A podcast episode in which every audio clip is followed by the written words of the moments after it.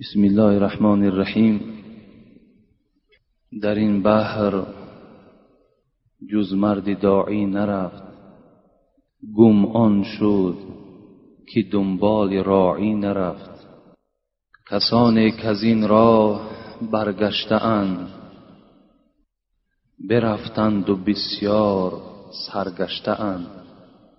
خلاف پیامبر کسی راه گزید. که هرگیز به مقصد نخواهد رسید. مپندار سعدی که راهی صفا توان یافت جز بر پی مصطفی. السلام علیکم و رحمت الله و برکاته. اولا همه شما پدرای عزیز برادرای مهربان را. برای آمدنتان به نماز جمعه برای ادا کردن فرض از فرضهای پروردگارتان خوش آمدید می‌گویم. و بعدا به سوی پروردگار خود با همراهی شما متوجه می‌شویم و از خداوند خود طلب می‌کنیم که دعاهایی که ما احتیاجهایی که ما داریم خداوند برآورده بگرداند. پروردگارا بندگانی که از راه دور برای ادا کردن نماز جمعه اشتراک دارند. ذوق دارند شوق دارند خدایا این نماز را از این بندگانت قبول بگردانیم و در هر قدمی که از راه های دور گذاشتند خداوند حسنات کتابت بفرمایی و گناه ها را پروردگار را مغفرت بنمایی. و خدای مهربان در دل این جمعیت ما محبت خودت را محبت پیغمبرت را محبت قرآن را محبت اسلام را محبت علما را خدای جایگیر بگردانی. و خدای مهربان این جمعیت ما را برای اهدن الصراط المستقیم همراه اهل عیالمان هدایت بفرمایی و خدایا گذشتگان ما امید دعا و رحمت دارند. خدایا گذشتگان ما را رحمت و مغفرت بگردانی. امروز بیماری هایی که داریم بیماری ها مانده خدایا شفای کامل و شفای عاجل نصیب بگردانی. خدای مهربان مسافرهایی که از این جمعیت ماست از این تاجیکستان ماست خدایا صحت و سلامت با مرادهای حاصل شده به خاندان برسانی. و خدایا رهبر دولت را هم عمر دراز و در جمعی کارهای نیکشان خدایا برار نصیب بگردانی. ربنا فاغفر لنا ذنوبنا و کفر عنا سیئاتنا و توفنا مع الابرار. برحمتك یا ارحم الراحمین. جمعه پیشین موعظه ما و شما در فضیلت نماز بود و ما و شما کمی از فضیلت نماز درکدار شدیم و خدا خواسته باشد باز در دوام این یک ساعت از احادیث های پیغمبری خدا در باب فضیلت نماز به شما چیزی میرسانم. و چگونه ای که جمعه پیشین به شما خبر دادم که نماز این پایه اسلام است نماز این نور مؤمن است. نماز این چراغ قبر هست. و دیگر فضیلت و خاصیت های او را که به شما فهماندم باز ناگفته نماند که نماز این نشانه اسلام است. نماز این بهترین جهاد است. نماز این نور دل است. نماز این موضع سر در جسد است. موضع الصلاة فی الدین که موضع رأس فی الجسد. موضع نماز در اسلام مثل حکم سر در جسد چسبیده را دارد. دیگر خاصیت نماز چه هست؟ در آن پارچه که شما نماز می‌خوانید در این جایهایی که الحال شما نشسته اید و راست می‌شوید. و نماز می‌خوانید این پارچه زمین این گوشه زمین در نزد دیگر پارچه های زمین با نمازخان افتخار می‌کرده است. نزد دیگر گوشه های زمین می‌رفته است و می‌گفته است که خوش به حال من که امروز بالای من فلانی ابن فلانی سبحان ربی الاعظیم سبحان ربی الاعلا گفت. خوش به حال همون خاندانی که زنی نمازخان دارد فرزندهای نمازخان دارد پدر و مادر نمازخان دارد. در هر گوشه خانه شما وقتی که نماز خوانده می شود همچون تصور کنین که مثل یک بار برکت در خاندان شما نازل می شود. و آن گوشه های خاندان شما نزد آن گوشه هایی که بیچاره از نماز محروم هستند افتخار می‌کنند که من در جای امارت شدم که بالای من نمازخانها خواب هستند نمازخانها عبادت می‌کنند اینم یکی از فضل نماز است. دیگر فضیلت نماز چه هست؟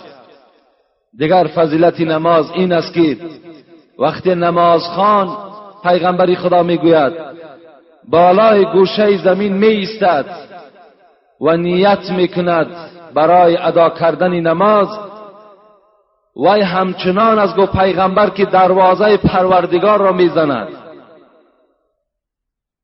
وقتی دروازه پروردگار که زده شد این معروف و مشهور است که هر دری که کفته شود البته کشاده می شود.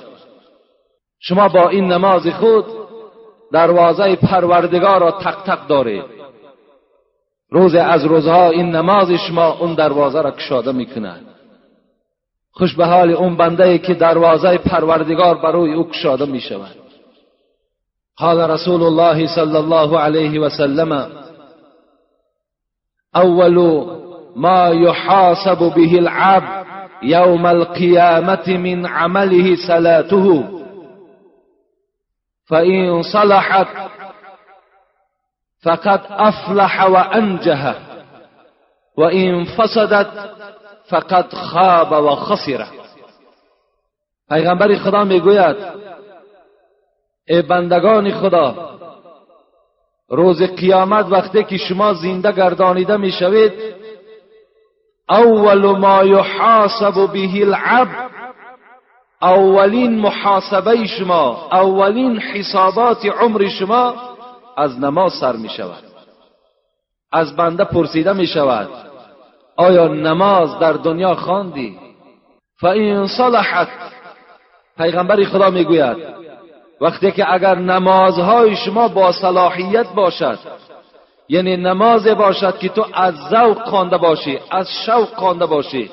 نماز باشد که از برای خدا خوانده باشی فقط افلح و انجه پیغمبر خدا گفت که این انسان وقتی که از حساب نماز که اگر نجات یافت دیگر آینده حسابات این بنده نیک می شود آسان می شود ولیکن در دوام حدیث پیغمبر گفتند اگر گفتند و این فسدت اگر نماز باشد که نه برای خدا باشد. نماز باشد که تا که مسجد روم برای وقتی خدمت گذرانیدن یا رفتن نماز خانم تا که مردم مرا گوید که نماز خوان یا در بین مسلمان ها آیم و نگاه کنم که کنی اون داملا چی می‌گوید رفته در اداره های دخلدار خبر دهم. و روم سیاه کنم در دنیا و در قیامت که هر روز هر روز از این مسجد ما هر سخنها می‌برند. هر روز.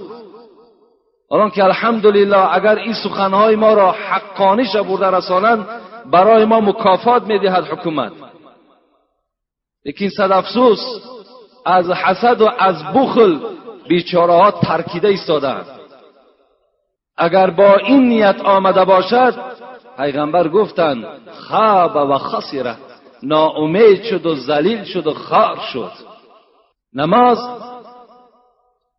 این هدیه معراج است. نمازی که پیغمبر بهر ما و شما آورد این از معراج آورد. سبحان الذي اسرا بعبده لیلا من المسجد الحرام الى المسجد الاقصى سوره اسرا پاک و منزه و عیب است.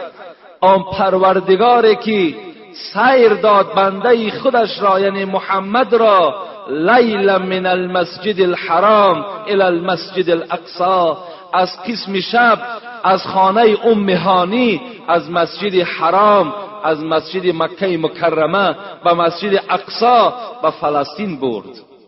چه مبارک!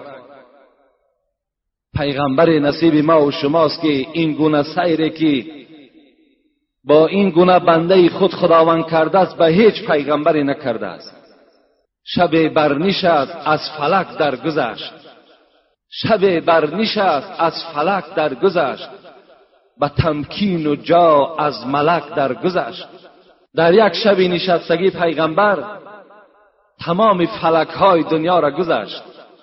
تمام این هفت طبقه آسمان و زمین پیغمبری خدا گذشت رفت. با تمکین و جا از ملک درگذشت. خداوند چگونه محمد را مکرم ساخت؟ چگونه امتی او را عزیز شمارید؟ یکی نظار افسوس که امروز انسان است نامش. امت پیغمبر است. امروز امت پیغمبر الحال در بازار در دکانش نشسته است. حالا که خدا ندا دارد که به نماز جمعه بیاید اینجا نجات است. امروز امت محمد صلی الله علیه و سلم در خانه خواب است. به یادش نماز جمعه نمی‌زند امروز امت محمد بیل در دستش در زمین کلن دارد. اینجا نماز جمعه سپری شده ایستاده است. امروز امت محمد صلی الله علیه و سلم مزار حضرت سلطان می رود در روز جمعه باز پیش من میاد دعات. مزار حضرت سلطان برای تو امروز ضرور نیست. امروز برای تمام مردم مسلمان نماز جمعه ضرور است. تو در هر قدمی که به سوی حضرت سلطان می‌زنی تو گناهگار می‌شوی تو ثواب نمی‌گیری. باز بیچاره جاهل و نافهم می‌گوید مرا گفتن روز جمعه زیارت وی ثواب است. این نماز هدیه معراج است.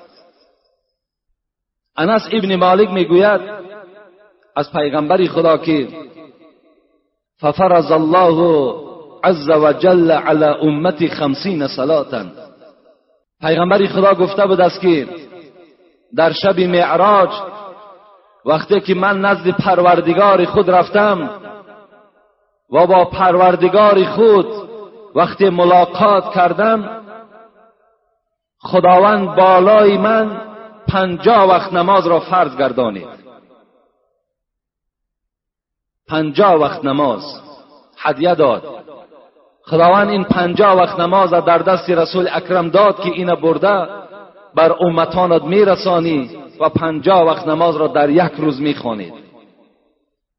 انس ابن مالک می‌گوید که پیغمبر دوام دادند این حدیث را گفتند. فرجعت حتی مررت بموسی علیه السلام. وقتی این هدیه پنجاه وقت نماز را گرفتم از نزد خدا پس از نزد پروردگار خود بیرون شدم. آمدم از نزد حضرت ابراهیم گذشتم. در طبق پایانگی که حضرت موسی بود به نزد حضرت موسی رسیدم. حضرت موسی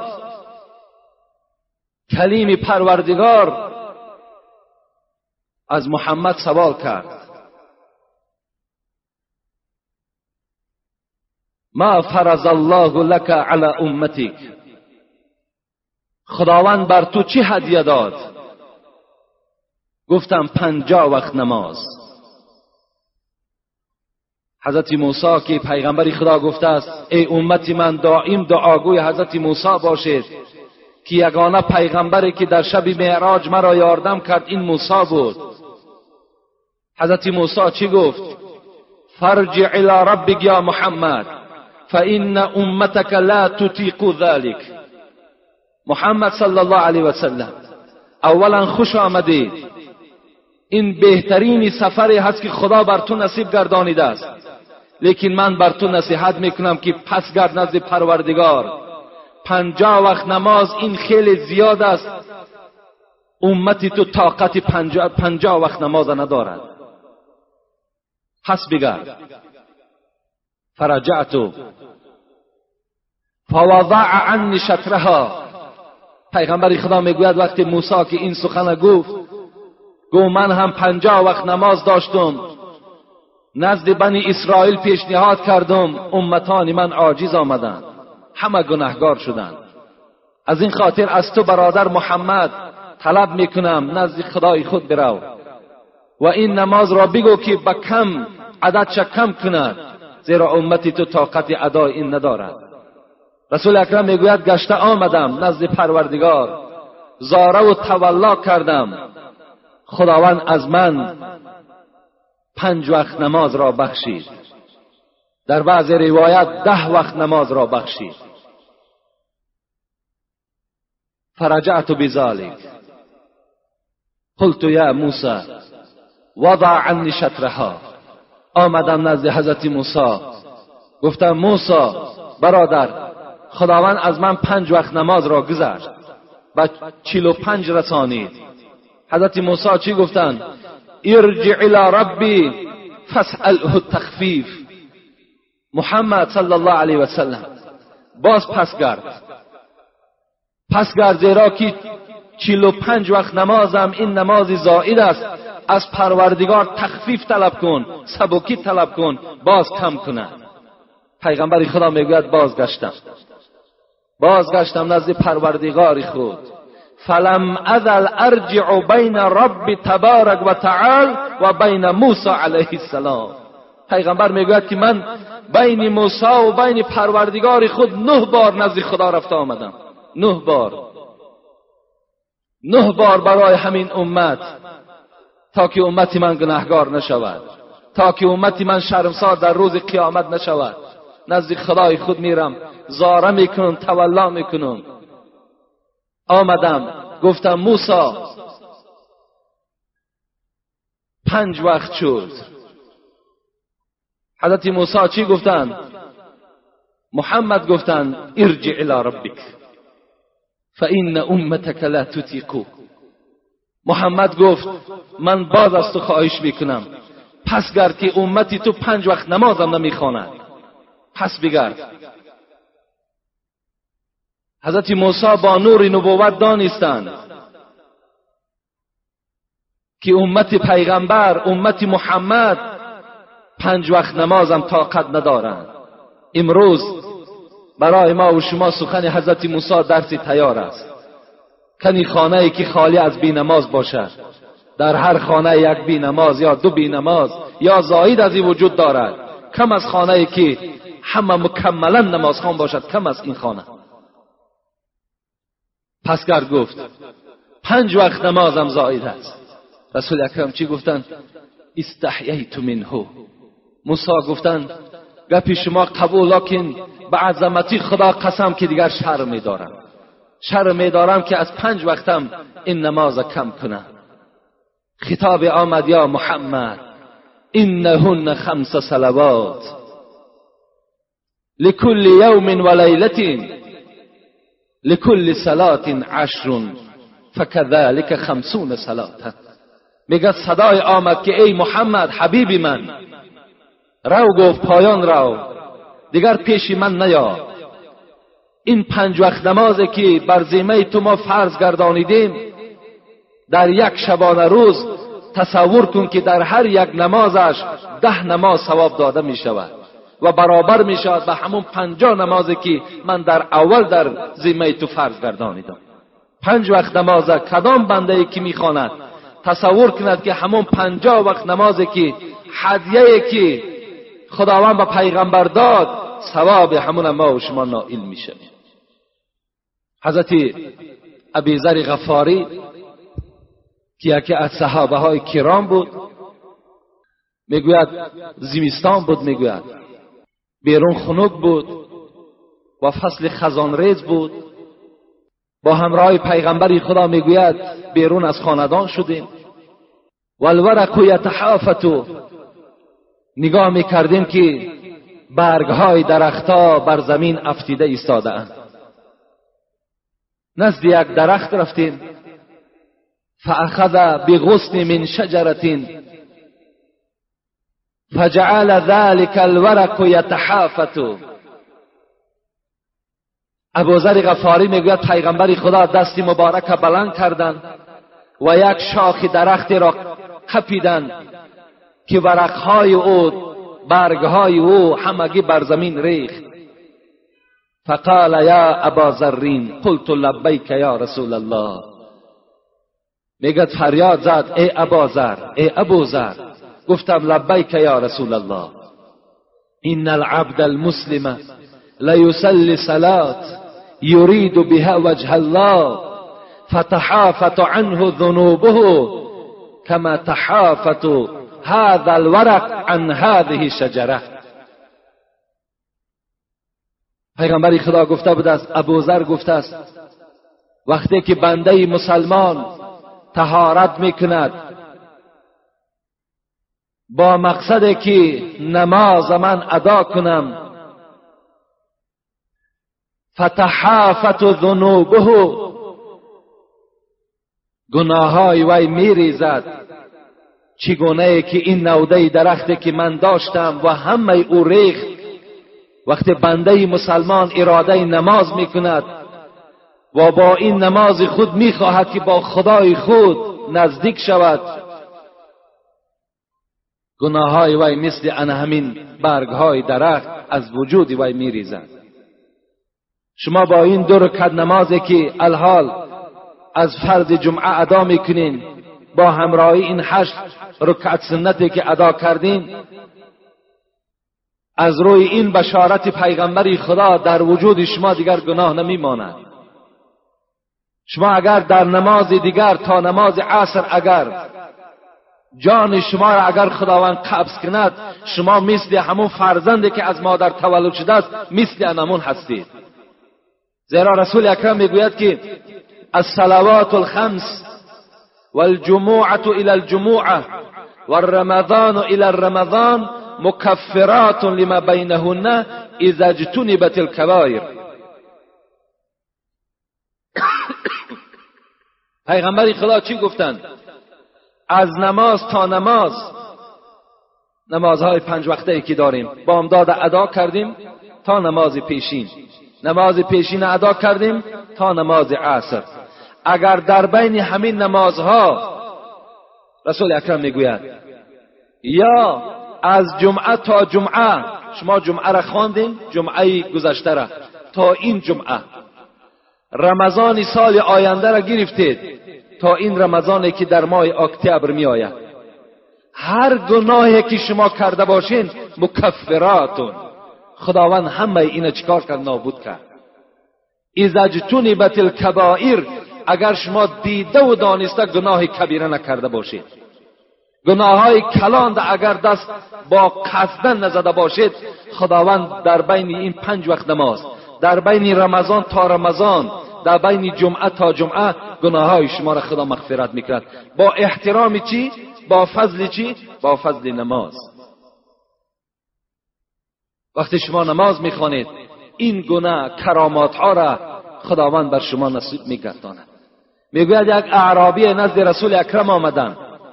اعرابی گفته یک آدم کوهستانی یک آدمی که در کوه زندگی می‌کند. آمدن از پیغمبری خدا چی گفتن؟ دلنی علی عمل اذا عملته دخلت الجنه پیغمبری خدا من می‌خواهم از تو یک عمل را شنوم یک عبادت را شنوم. که اگر وی من انجام دهم دخلت الجنه روز قیامت به حساب و به کتاب وارد جنت شوم. کدام عمل است؟ پیغمبری خدا را نظر کنین. با این عملها اگر کدام ما و شما عمل کنیم ان الله اون مکافاتی که پیغمبر با این اعرابی با این کوهستانی وعده کرد ما و شما هم نائل می‌شویم یعنی وارد جنت می‌شویم رسول اکرم گفتن تعبد الله ولا تشرک به شیئا. یکم گفتن ای کوهستانی ای اعرابی اگر تو خواهی که روز قیامت به حساب و به کتاب وارد جنت شوی به خدا شرک نیار.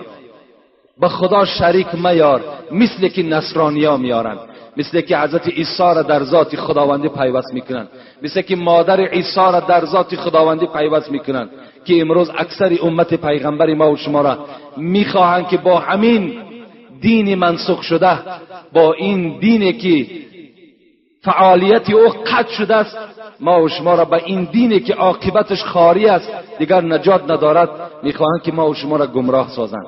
به خدا قسم شما اگر از گرسنگی از دنیا وفات کرده گذرید این برای شما شرف است از آنکه به دین نصرانی شما میگذرین. شما در دنیا هم شرمنده هستین در عاقبت هم شرمنده هستین. وقتی شما در دین نصرانی داخل می‌شوید. بی نهایت احتیاط کنین. علال خصوص همون میکروریون هایی که هستند. بی نهایت تبلیغشان زیاد است. برادرای عزیز فریفته نشوین.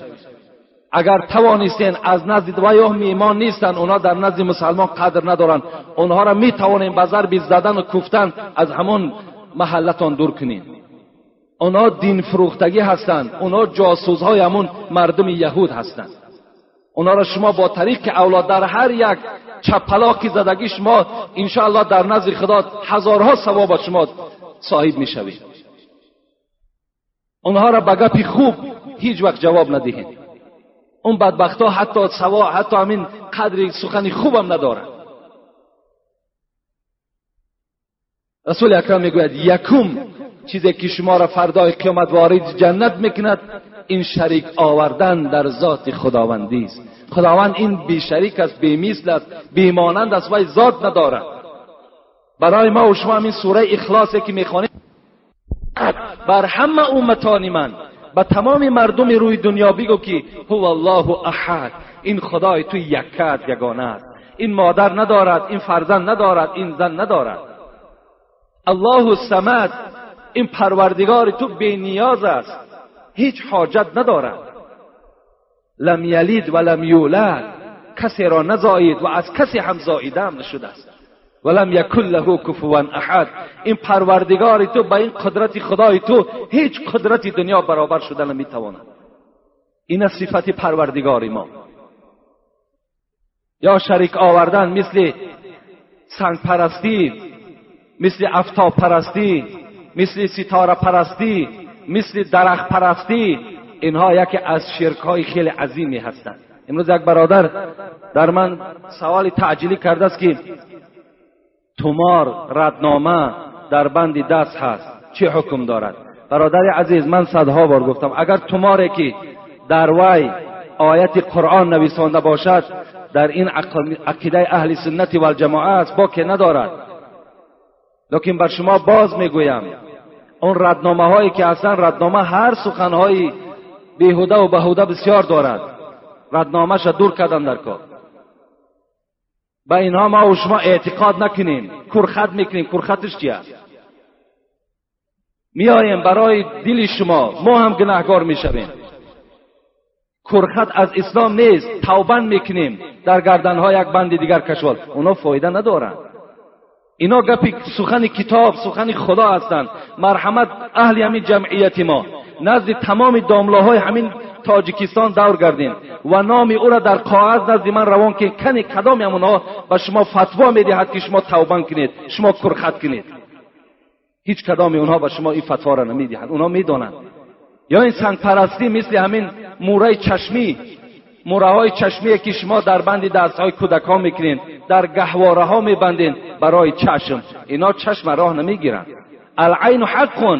چشم تاثیر دارد لیکن موره چشمی وای نمیگرداند. یک برادر بر من خبر داد که در مسجد جامع دوشنبه همان خارهای کلانی که هست در نزد دروازه مسجد زدگی است. برای چشم به دست داملای وای میگد بیچاره وای کور است. او داملا نیست. وای جاهل است. وای شرکی در خدا کرد از خود درک ندارد. چشم چی میگرداند؟ شما سوره های قل اعوذ برب الفلق قل اعوذ برب الناس و خانید در دستها دم کنید در تمام بدن شکید. انشاءالله شما را هیچ چشم دیگر دیرا نمی‌کنه این خرافات ها را ترک کنین. بیزار شدیم باور کنین. مانده شدیم بی نهایت خرافات های کلان است. یک برادر یک شب در اینجا در حضور همینها. ساعت دهی شب است. در یک مشروطه پر از آدم بیچارا خواب دارن مانده شدن. کجا می روین حضرت سلطان می روین این جان هم به شما حق دارد. این اعضاها هم به شما حق دارد. اون گوسفندی که در اون نزد اون بزرگوار کسی می‌کشد به نام بزرگوار وی حرام است وی حلال نیست.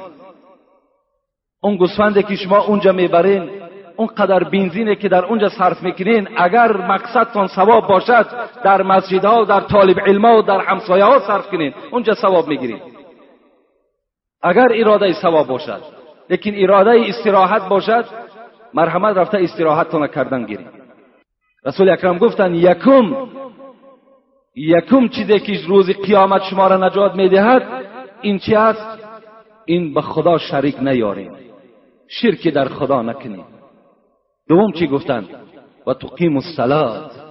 ای اعرابی ای کوهستانی دوم وظیفه تو این است که پنج وقت نماز ادا کن. نگو من در کار مشغول هستم. نگوی که من وابسته مصیبت هستم.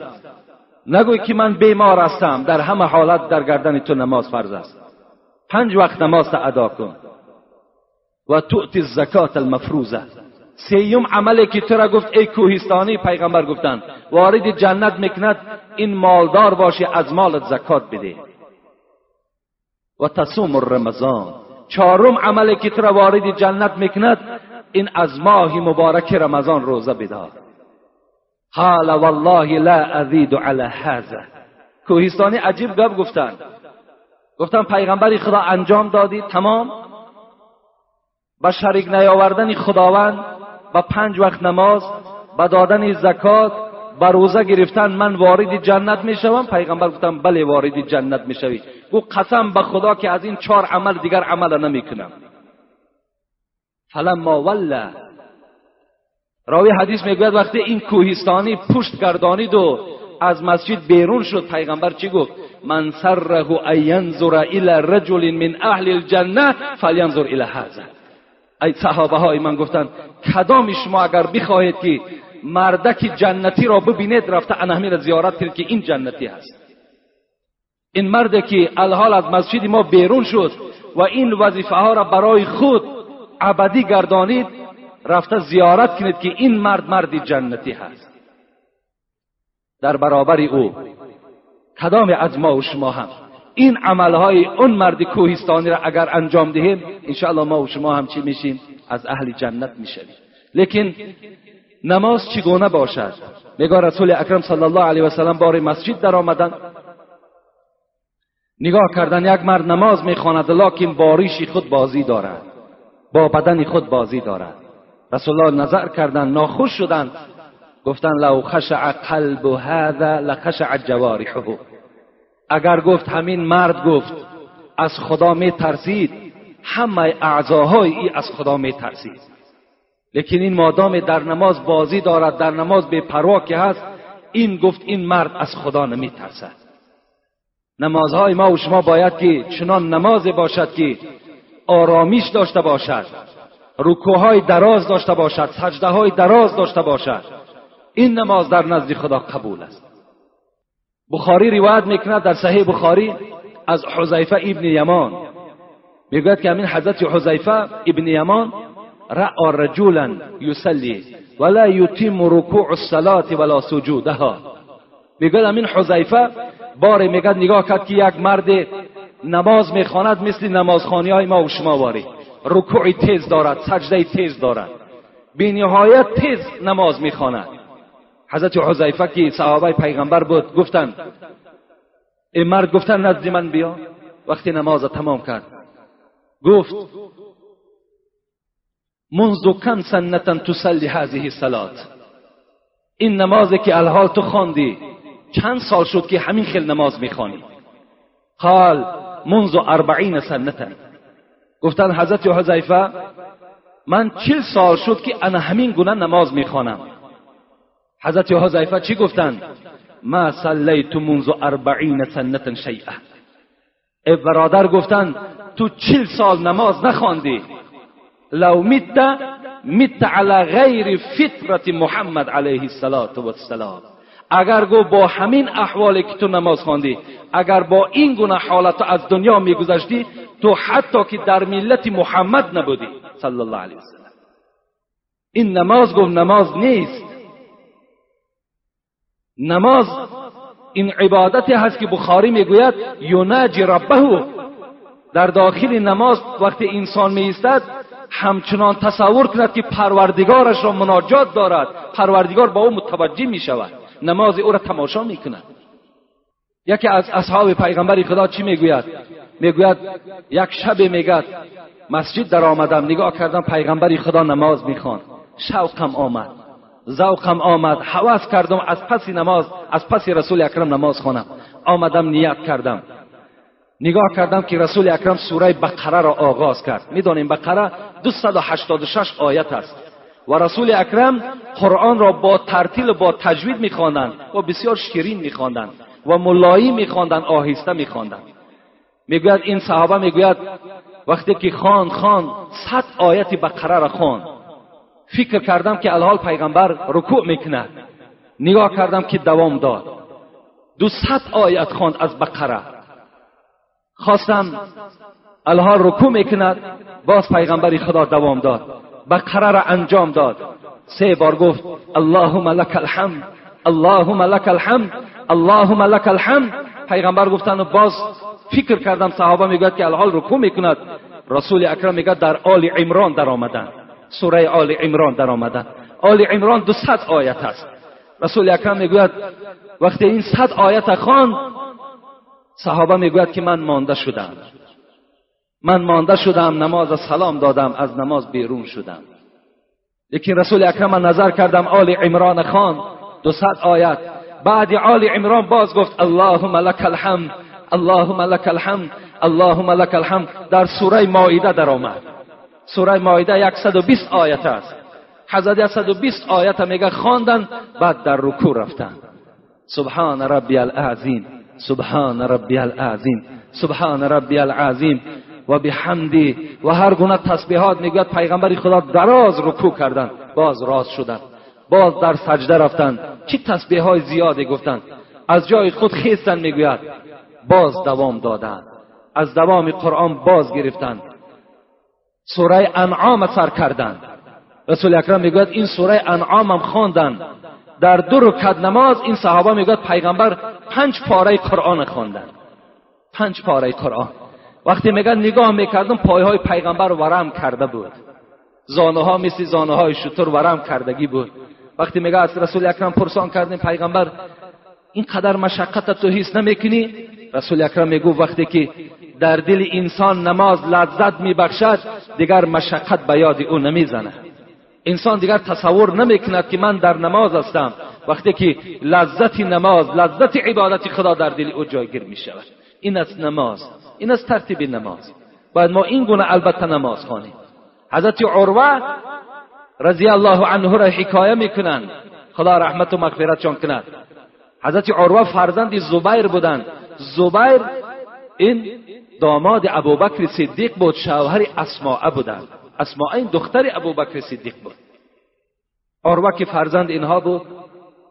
راوی می‌گوید که حضرت عروه با بیماری سرطان سرطان ساق یعنی رگ می‌گوییم ما و شما. در همین ساق عروه کسل رگ پیدا شد. تمام طبیب ها را فیراد زدند. گفتن میلش ما تبابت می‌کنیم. کار مشکلی نی لیکن فقط این ساق را بریدن در کار. حضرت عروه تیار شدن گفتن من راضی هستم. این قدر درد و غم و این قدر سوزاکی که در پای من است. میلش گفتن جدا کن. شاید که حال من سبک شود. حضرت عروه را گفتن به خانه ای که جراحی می‌کنیم به اون خانه می‌رویم. آمدن در یک خانه میگه در آمدن. و این طبیب ها پیشنهاد کردند که الحال عروه برای آنی که ما پای تو را از ساق جدا کنیم باید که مواد مخدر استفاده کنی. تا که تو عقل خدا گم می‌کنی تو بیهوش می‌شوی و ما پای تو را می‌بریم. چگونه که در ما و شما نرکاس می‌دهند که دیگر اگر تمام اعضای ما و شما را پاره کنند دیگر ما عقل و هوش خود گم کردگی هستیم. دیگر ما و شما درک نمییابیم. حضرت عروه را مواد مخدر پیشنهاد کردند.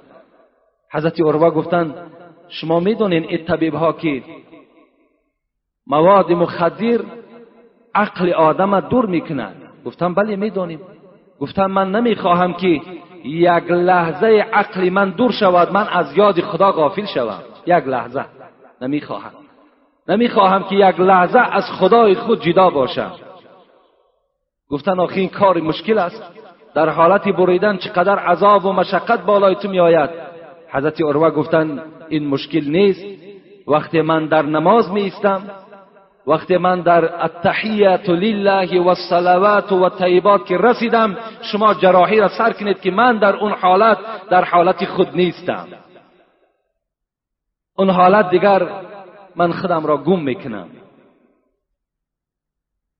طبیب ها راضی شدند. وقتی حضرت عروه می‌گوید در همین حالت التحیات خواندن رسید کار خود راست کردند اسبابهای خود ساک حضرت عروه را جدا کردند. وقتی حضرت عروه می‌گوید سلام دادن مثل نمازهای ما و شما در دو دقیقه و سه دقیقه نماز نمیخواندند نمازهای دراز میخواندند. لیکن اینجا هم یک مسئله دیگر فراموش نکنیم. اذا اما احدكم الناس فليخفف فإن فيهم الصغير والكبير والضعيف وذا الحاجة. وإن صلى لنفسه فليطول ما شاء. پیغمبر خدا این یک مسئله است که اینم ناگفته نمانیم مگر که امروز که بسیاری برادرای ما و شما می‌گوید یعنی از پی کار هستند بیمار هستند صاحب حاجت هستند کودک هستند. از این خاطر در ذمه هر یک امام این واجب است که نماز با طرز سبک خواند. یعنی تا که به مردم گران نیاید گفته این دلیل ما و شما هست. این حدیث پیغمبری خداست. حضرت عروه را پاش بریدن. حضرت وقتی که از نماز بیرون شدند خون زیاد رفت و گو مرا بردارته خانه برین. آوردن حضرت عروه را به خانه بالای بسترش. حضرت می‌گوید در پیش پا پای بریده را دیدن. چی نعمتی بزرگی است این پایهایی که الحال در ما و شماست. صد افسوس که این پاها را ما و شما چه در راه باطل صرف می‌کنیم که همه اینها در روز قیامت گواهی می‌دهند؟ حضرت عروه می‌گوید با یک چشمه های همون نرگسینی خود می‌گوید بر همون پای بریده شده نگاه می‌کرد. چند سال این در وجود حضرت عروه چسبیده بود و خدمت اسلام می‌کرد. نگاه کرد می‌گوید بناگاه تشنگی حضرت عروه را غلبه کرد. و می‌گوید فریاد زد فرزند دو فرزند داشت میگه یک فرزندی خوردی داشت یک فرزندی کلان داشت. فریاد زد فرزند کلانی خدا. هیچ صدایی نمی آمد. حضرت گفتن این لله و این الیه راجعون. من گفتم بار اول است که فرزندی خدا فریاد می‌زنم فرزندی من لبی نمی‌گوید. چه حادثه شده باشد؟ کنی بیرون خبر گیرین. در حالت میگه دویده آمدن گفتن عروه گفتن الحال امو فرزند کلانی تو بالای بام برآمد. برای چی کاری خانه بناگاه از بالای بام بر زمین زد و جان به حق تسلیم کرد. دو مصیبت بالای حضرت عروه. ای جانب پای بریده شده ای جانب فرزند کلان از دست داده شده. حضرت چی گفتن؟ گفتن پروردگارا با این فرزند خورده که به من باقی است و با این یک پایی که در من است هزارها شکر به سوی تو. هزارها شکر که یک پای سالم دارم و یک فرزند زنده دیگر دارم. و هزارها شکر به سوی تو ایزاتی که این نعمتی که در من چسبیده بود جدا کردی و این میوه دل مرا کندی.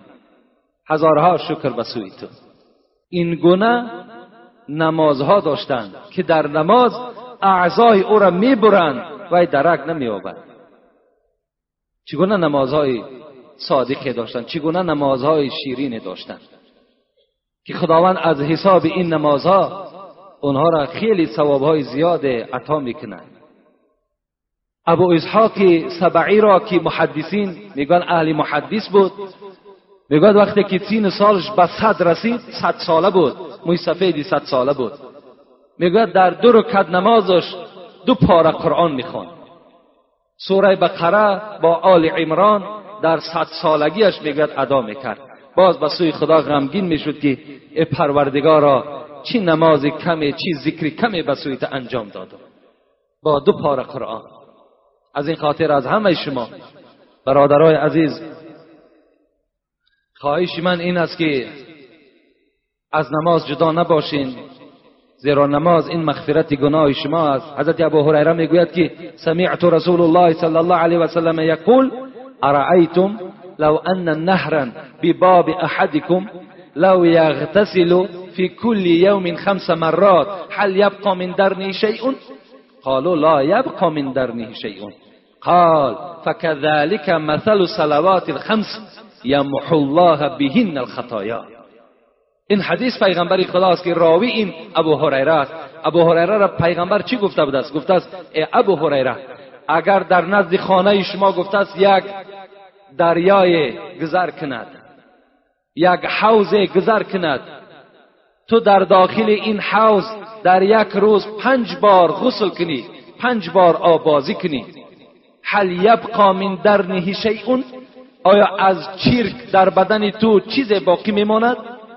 گفتند یا رسول الله پنج بار در یک روز وقتی من آبازی می‌کنم البته از چیرک در بدن من چیزی نمیماند.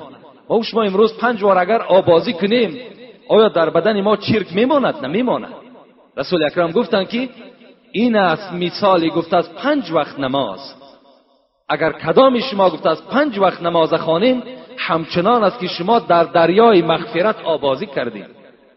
در دریای مغفرت گناه شما غسل کردید و خداوند گناه های شما را چکار می‌کند؟ تازه می‌کند و پاکیزه می‌کند.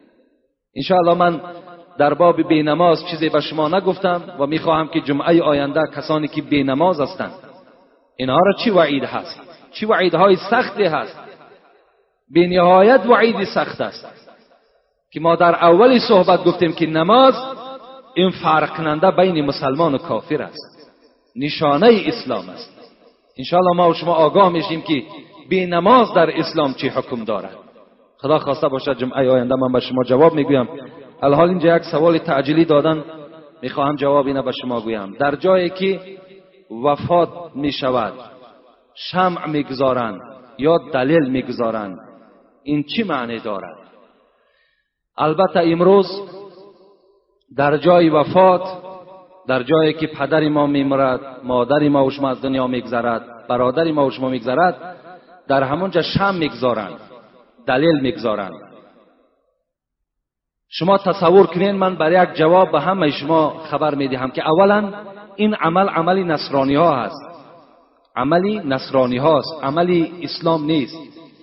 اینو نکنید این عمل عمل اسلام نیست. حتی با پایهاتون به شته زنین او را نابود کنید این از امو بدبخت هست. تلویزر بعد مصیبت یک سال تماشا نمی‌کنند. این چی معنا دارد؟ اینش جایز است. در خانه ای که مصیبت شود اولا خود تلویزر مصیبت است. تلویزری که وقتی در داخلش اگر تربیه نداشته باشد همون تلویزیون هایی که امروز از کانال های همون انتنه های برابری به ما و شما نشان می‌دهد این تشویقات یهود است. چگونه ای که مسلمان ها امروز شما را تشویقات می‌کند به نماز به زکات به روزه با برادری به دیگر عملهای خیر امروز یهود هم مسلمان ها را می‌خواهند که با راه های همین تلویزیونی از همین دایره اسلام دور سازند. مخصوص کانال ها کردند. کانال هایی که مردها به مردها می‌رسند مردها به زنها می‌رسند زنها به زنها می‌رسند. امروز هزارها مسلمان از جمعه میخیزد رفته و تماشا می‌کنه. و باقی میمونه العینان تزنیان و زیناهما النظر. پیغمبر خدا چشمها هم زینا می‌کنند زینای چشم این نظر کردن به همون صورتهای پرنگرافی است. اگر شما همون کیناهایی که امروز یگان کینایی نیست که در داخل او به فحش و به باشد. اگر همون برنامه هایی که در تلویزیون ها می شود بیرون از مصیبت هم نگاه کردن اونها مصیبت است. شما گناهگار می‌شوید. لیکن در خانه که مصیبت می شود خوب می شود که یک سال نه بلکه دو سال تلویزیون تماشا نکنند به نهایت ثواب کلان می شود یک سال نه بلکه دو سال. آموخت می شوند انشاءالله از همون تلویزیون دور می شوند اینجا همون برادر در باب همون تومار و دیگر دیگر به ما سوال کردن که جواب شد در دوام همون صحبت به همه شما خبر دادم. من بسیاری بار در باب همین مسئله زیارت های مزار گم می‌زنم و بعض برادرها از من دیگر زل می‌فهمند. من شما را به پررگی از زیارت من نکردم. من نمیگم که شما زیارت نکنید لیکن زیارت کنید با طریق اسلامی. اونا همه احتیاج به دعای شما دارند. آیا همین در کجای اسلام است که شما در درخت هایی که علال خصوص در قشلاق ها در قشلاق ها همون شهیدها و همون مثال گورستان هایی که هست در همون درخت های لطبن می‌گویند. شما در اون لطن نبندین که شما نام خودتان در دفتر دوزخی ها داخل می‌کنید. انسان باید از اون درخت چی طمع دارین شما؟ از اون مزار چی طمع دارین شما؟ چی فایده است از اونها به شما؟ شما فقط دعا کنید که خدا رحمت و مغفرت جان کند. این است مقصد همون بیچاره هایی که در نزد ما و شما خوابیده هستند. و من می‌خواهم که به اون جاهایی که شما زیارت می‌روین چی شاه یکاشه میگیم و چی شاه خاموش می‌گوییم و چی حضرت برق می‌گوییم که وای امت عادی ترین پیغمبر از حضرت برق بالا است. امت عادی ترین محمد. یک نمازخانی امتی که در مسجد ما هست از حضرت برق بالا است. خدا در قرآن میگه کنتم خیر امت اخرجت للناس. ای امت محمد فخر کنین که شما از همه امت دنیا بهتر و افضل هستین. از همه امت پیغمبرهای پیشین. چه از برق باشد چه از دیگرش باشد. شما بهتر هستین. عادی ترین نماز عادی ترین امت محمد از حضرت برق بالا هستند این خدا در قرآن می‌گوید. شما برای اونی که اونها را زیارت می‌کنید یک عالم زنده را زیارت کنید انشاءالله ثواب می‌گیرید. ثواب زیاد. اگر در هر قدم او یک ثواب باشد در عالم زنده صد ثواب است. از عالم زنده شما یک بهره می‌گیرین اونقدر مسافه هایی که طی می‌کنین عذاب می‌کشین. اگر شما اراده باشین که این راه در شما باز درجات می‌برین انسان درجات نمی‌بره. این سخن خداوند است. سخن کتاب است. اگر کدام شما قانع نباشین می‌تونین با طریق خطی از سندها و کتابهایی که دارین به من خبر دهید. السلام علیکم داملای عزیز. ما دو برادر اسلامی می‌خواهیم که نام خود را عوض کنیم. یکی اشان کامل به نام ابو بکر شدند دیگرشان خورشید بودند به نام عبدالملیک شدند خوش به حال این برادرها که رسول اکرم می‌گوید احب الاسماء الى الله تعالی ما تعبد له. بهترین نام نامی هست که در اولی نام عبد داشته باشد. عبدالرشید عبدالملیک عبدالکریم عبدالوهاب. اینها بهترین نام ها هستند. باید هر یک نام مسلمان باید که در اولش عبد داشته باشه. تا که بشناسیم که همین مسلمان است. امروز مسلمان های ما نام های نصرانی ها را ماندیستند. بیچاره یگان مسلمان از دست نصرانی روز ندارد. امروز نام اونها را ما گرفته در نامه های فرزندامون می‌گذاریم. کنی یگان نصرانی یگان یهودی نام شما را می‌گذارد. نمی‌گذارد. برای اونها این یک بگیم کاری پسترین است که نام مسلمان در نام بچه خودش بگذارد. شما هم البته عکسی همونها رفتار کنید خوش به حال اینها خدا هر این برادرها را عمر دراز و تنی صحت و سزاوار این نامهایی که خودشان گذاشتند خداوند سزاوار به این نامها بگردانشان. آمین یا رب العالمین. السلام علیکم و رحمت الله و برکاته.